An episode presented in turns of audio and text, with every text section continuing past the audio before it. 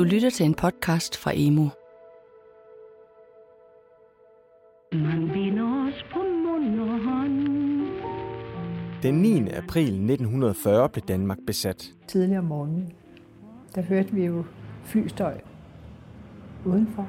Og så ser vi de her fly, der kommer over hustagen. Meget, meget lavt. Jeg var helt bange for, at de kunne tage skorstenen med. Jo ikke? Altså, de var fløj meget lavt. Og det kunne jeg jo ikke lide. Pludselig kunne man se tyske soldater i byerne og tyske køretøjer i landskaberne. Fra dag af blev danskernes hverdag forandret. Men tyskerne tabte krigen, og den 5. maj 1945 blev Danmark befriet, og danskerne var igen et frit folk. Det var tid til en ny begyndelse, og nogle meget vigtige kapitler i nyere tids Danmarks historie blev skrevet i kølvandet på 2. verdenskrig. Efter en besættelse og efter en befrielse. Dette er Befrielsen, en podcastserie om tiden før, under og efter Danmarks befrielse fra Nazi-Tyskland i 1945. Mit navn er Simon Brix. Jeg har sammen med min kollega Mads Christian Hede tilrettelagt og produceret befrielsen for Børne- og Undervisningsministeriet. Og drømmen om frihed bliver aldrig forbi. Dette er anden episode i temaet modstand.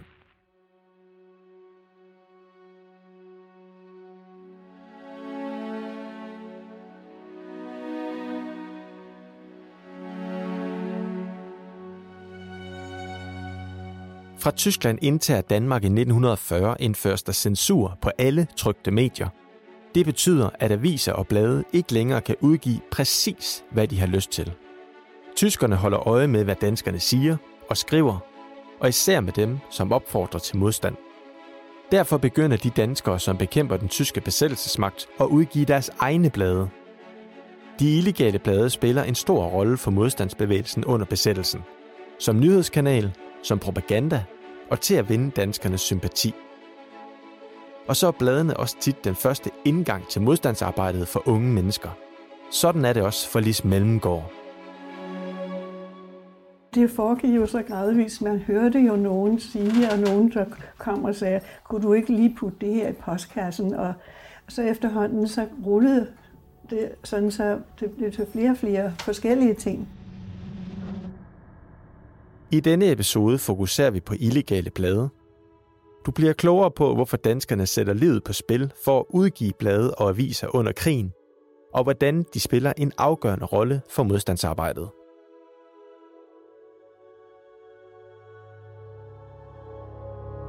Det ligger ellers ikke i kortene, at Lis skal være en del af modstandsbevægelsen. En, der sætter livet på spil for Danmarks frihed, som smuler våben, trykker illegale blade og lever under jorden i skjul for tyskerne.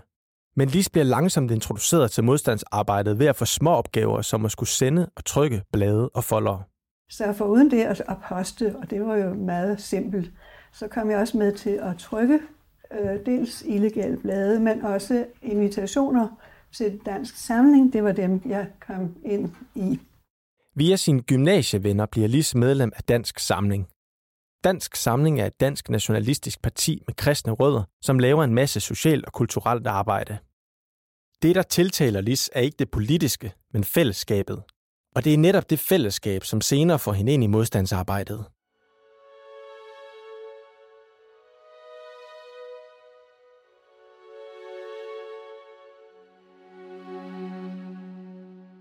Behovet for illegale blade opstår på grund af den tyske censur på aviser, blade og bøger. Modstandsbevægelsen vil skrive deres version af sandheden til danskerne. Det fortæller Peter Birkelund, der er historiker hos Rigsarkivet. Det er vigtigt for modstandsbevægelsen at få sine illegale øh, budskaber ud, fordi den netop vil vinde befolkningen for modstandstanken. Man vil gerne have, at befolkningen bliver mere aktivistiske, at de begynder at modarbejde tyskerne og den danske samarbejdsregering.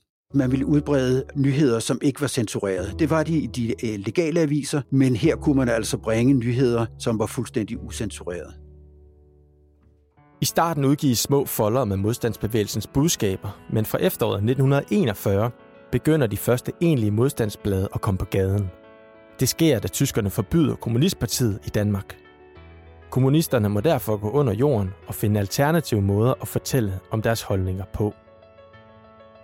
Budskaberne i de kommunistiske blade, og for den sags skyld også i de borgerlige blade, der kommer nogle måneder efter, det er, at tyskerne skal ud af landet. Og øh, en af måderne, det er at modarbejde den danske samarbejdspolitik, gøre det så vanskeligt, så besværligt som muligt for tyskerne at være i landet. Og derfor er det så vigtigt, at man prøver at presse den danske regering til at sige nej, nej til at samarbejde med tyskerne. Formålet er altså at påvirke danskernes holdning til den tyske besættelsesmagt og samarbejdspolitikken. Det ses også tydeligt i artiklerne i de illegale blade. De artikler, man kan læse i de illegale blade i, øh, i den første periode af krigen, det er jo blandt andet smedekampagner mod alle mulige tyskvenlige personer. Det kunne være danske nazister, det kunne være stikker og informanter til tyskerne, det kunne være om tyskerpiger, der gik med tyske soldater. Så hænger man dem ud med navnsnævnelse, og man fortæller, hvor de bor, hvor de kommer, hvem de ser, og hvad de øh, ligesom gør. Derudover så var det så øh, oplysninger omkring øh, sabotager, altså de illegale aktiviteter af enhver art. Så var det om de her tyske løftebrud, hver gang at tyskerne de brød de løfter, som de havde lovet hele tiden omkring samarbejdspolitikken, så var det et øh, forsøg på at presse den danske regering til at sige nej til tyskerne. En af de modstandsgrupper, som aktivt arbejder på at afbryde samarbejdet med tyskerne, er Holger Danske. Og det er netop den gruppe, som Lis Mellemgaards venner fra Dansk Samling har introduceret hende for. Da gruppen vil i gang med at trykke illegale blade på et mere professionelt plan, så tror de sig til at kunne bruge et bogbinderi i Blågårdsgade i København. Det var en, en nazist, som øh, trykte for, for Gestapo og for tyskerne i det hele taget. Og der var en genial fyr, som gik op til ham og sagde, at øh, han skulle overlade bogbinderiet om i weekenden til, til dem. Det var os. Øhm, ellers så ville hans bogbinderi blive sprængt i luften. Og det vil sige, at vi, øh, vi var en gruppe på en 6-8 stykker i starten, som begyndte bogbinderiet der. Produktionen af illegale udgivelser foregår på flere forskellige måder. I nogle tilfælde foregår det i lejligheder, og andre gange i mere professionelle omgivelser. Som for eksempel i Lises tilfælde, hvor man har adgang til rigtigt udstyr. Men fælles for måden at producere et illegalt blad på er, at det skal foregå i hemmelighed. Det var jo illegalt arbejde, så derfor øh, måtte man hele tiden være klar til at flytte. Selve redaktionen foregik som regel i lejligheder, hvor man rykkede ind, sad i nogle timer, og så tog man det hele med sig igen. Så der var ikke en fast redaktion, men der var hele tiden skiftende steder, hvor man arbejdede.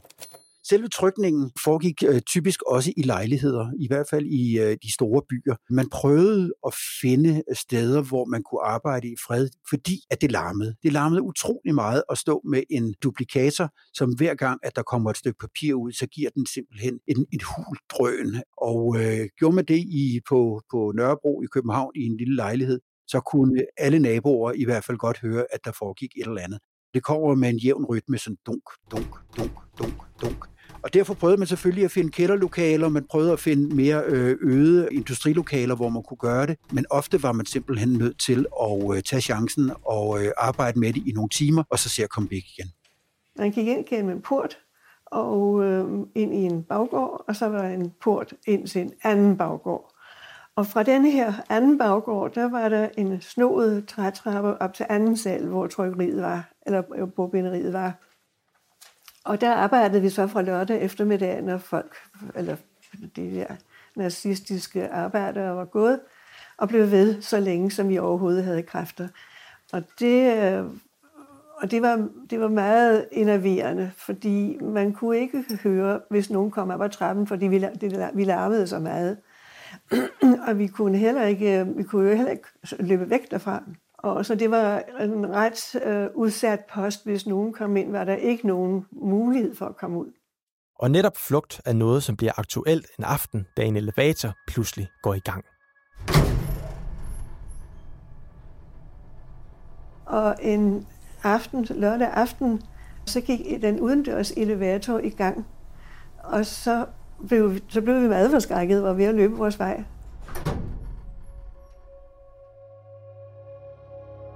Men øh, det var vist, at det var en dåse bolcher. Fordi det var bolsjekogeri nedenunder, så de arbejdere har ville forsøde tilværelsen for os ovenover. Lis og gruppen slipper med skrækken. Men senere er de ikke lige så heldige. For det er ikke ufarligt at trykke og uddele illegale blade. Langt fra.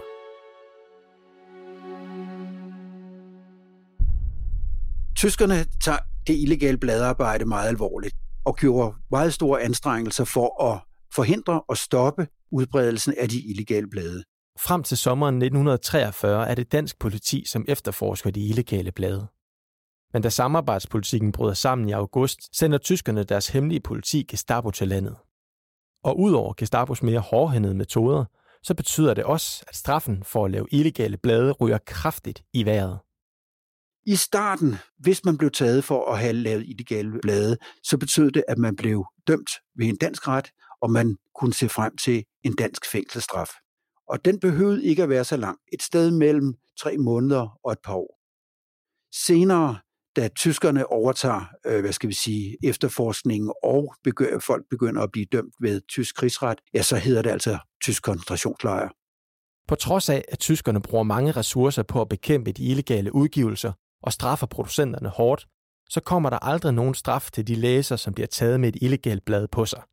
Det er altså lovligt at læse de blade, som er ulovlige at skrive og trykke.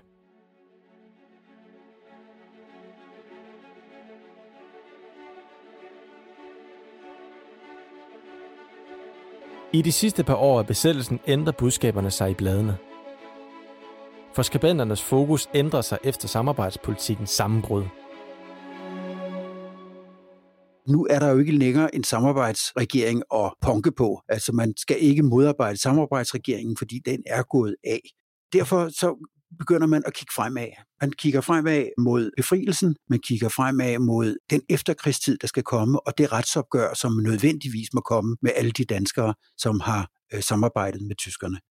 Allerede her i 43 tror mange danskere, at krigen snart slutter. For krigslykken er vendt, og tyskerne lider store nederlag på slagmarkerne. Det gør, at modstandsfolkene de tør mere. Det betyder også, at Lis Mellemgaard bliver involveret i mere alvorlige aktioner mod tyskerne. Vi vidste jo godt, hvad krigen ville ende med. Og vi tænkte, så kan der ikke ske alverden her på den korte tid. Vi var jo næsten overbevist om, at der kun var tale om uger eller højst en måned. Og jeg tror, at man slappede meget af ved tanken om, at nu var det snart overstået. Lis bliver involveret i våbensmugling og sabotageaktioner. Og til sidst må hun gå under jorden, fordi Gestapo jagter hende og resten af Holger Danske gruppen intenst. Hun flytter fra lejlighed til lejlighed, hvor hun bor i skjul sammen med andre modstandsfolk. Det er flere gange tæt på, at hun bliver taget.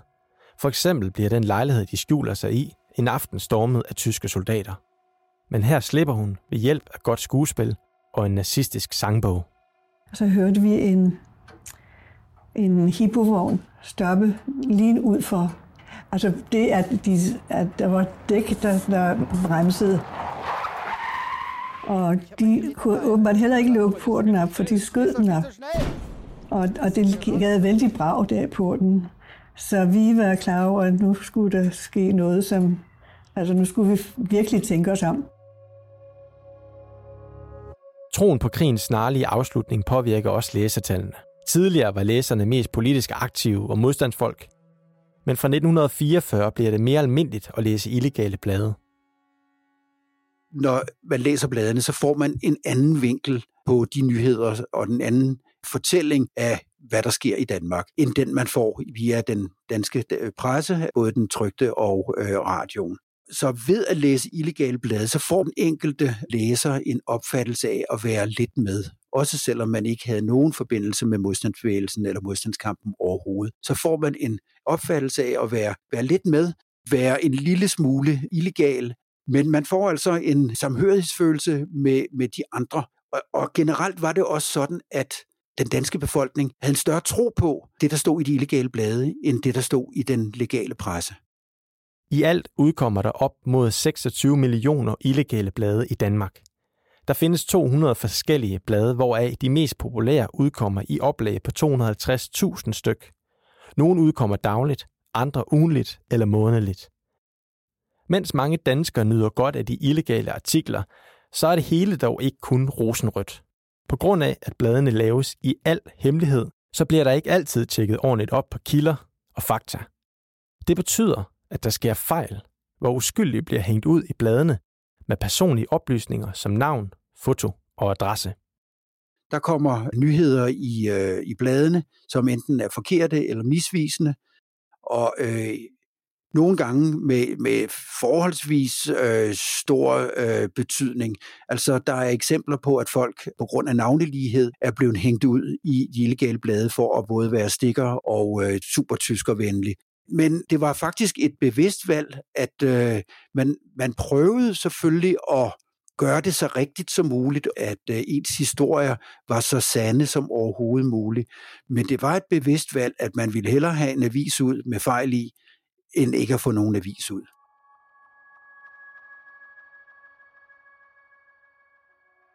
Og så sagde jeg til Jens, at du holder din mund. Øh, og så kunne jeg pludselig en hel masse tysk, og hvis min tysklærer havde hørt mig, så ville han ikke have troet sine egne ører. så jeg snakkede og sagde, I kan godt se, at jeg er kommet lidt galt af sted, for herskabet er borte, og jeg er pige her i huset, og jeg ligger her med min kæreste. Der var en, der kom bagfra og gav mig et håndkantslag på halsen, så Jens sagde bagefter, at jeg var besvimet. Det kan jeg altså ikke huske, men jeg fortsatte med at tale mit glimrende øh, tysk. Og øh, så fandt jeg ud, at vi begyndte at gå rundt i huset, så sagde jeg, I kan se, at jeg er altså god nok, fordi jeg har den her DNSAP-sangbog. DNSAP er forkortelsen for det nazistiske parti i Danmark. Lis stjal i sin tid sangbogen hos den nazistiske bogbinder. Sangbogen bliver pludselig meget værdifuld i den mest nervepirrende situation. Og så satte vi os til at, og synge, og så tænkte jeg, nu skal vi da have fest i gaderne, eller hvad jeg nu tænkte. Og så vidste jeg, at Henne Ernst havde en flaske snaps i køkkenskabet, og de havde også en humpe brød. Så det hentede jeg, vi sad der i spisestuen og sang sange. Og alt imens de frygtelige bavianer, de lukkede alle skaber og skuffer det hele op, det hele flød.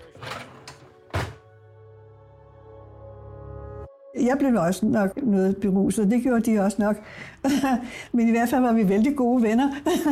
så, så det, på den måde slap vi, slap vi over det. Men bagefter var vi dybt chokeret. I hvert fald var jeg. Og vi satte os ned og nærmest hulkede af grin. Altså, det var så umenneskeligt, eller u, u, altså, man kunne slet ikke forstå det. Så det er en meget, det er en meget dramatisk historie. I denne omgang er de heldige, men i sidste ende bliver alle hendes kammerater fra Holger Danske Gruppen arresteret, og syv af dem bliver senere henrettet. Lis slipper selv for anholdelse ved en tilfældighed, fordi hun ligger og plejer en lungebetændelse, da tyskerne slår til mod gruppen.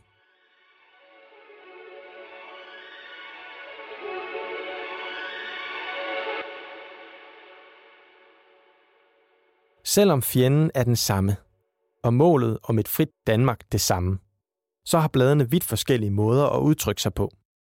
Kommunisterne udgiver blade. Det samme gør de borgerlige.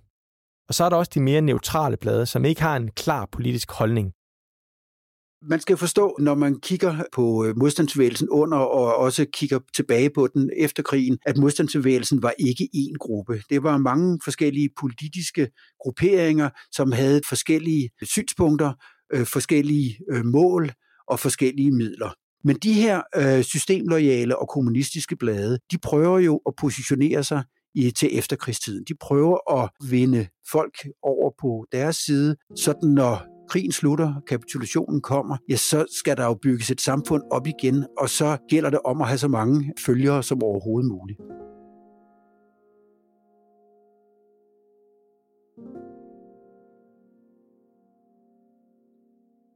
Positioneringen foregår i høj grad også fra Christiansborg.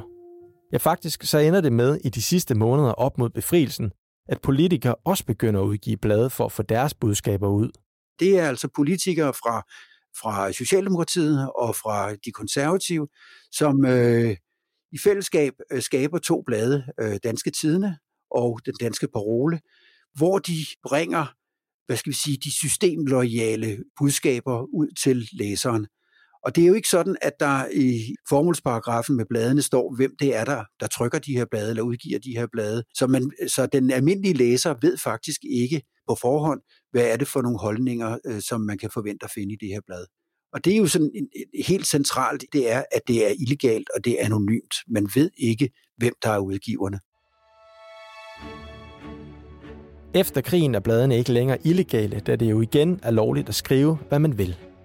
Langt hovedparten af bladene stopper derfor kort efter befrielsen, mens andre er med til at påvirke demokratidebatten i årene efter krigen. På længere sigt er det kun tre blade, der fortsætter med at eksistere. Det drejer sig om Frit Danmark, det kommunistiske land og folk, og det, der stadig eksisterer den dag i dag, som avisen Information.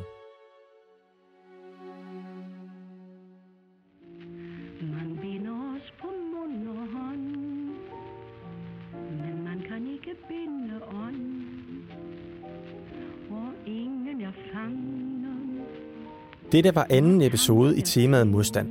I næste episode kan du høre om en endnu barskere del af modstandsarbejdet, nemlig stikker likvideringer. Bliv klogere på, hvorfor modstandsbevægelsen fandt det nødvendigt at gå så langt som til at slå landsmænd ihjel i kampen for frihed. Hvordan det foregik, og hvordan likvideringerne påvirkede modstandsmændene på længere sigt. Likvideringerne var noget, der påvirkede modstandsfolkene helt enormt meget. Det var øh, det hårdeste modstandsarbejde, der overhovedet fandtes. Det var helt ekstremt hårdt. Find alle episoder af podcastserien Befrielsen i din podcast-app. Søg efter Befrielsen og fortsat god lytning.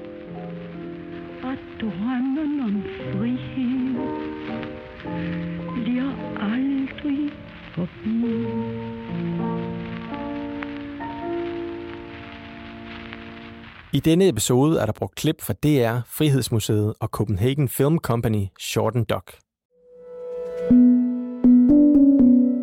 Du har lyttet til en podcast fra Emo. Find mere viden på emo.dk.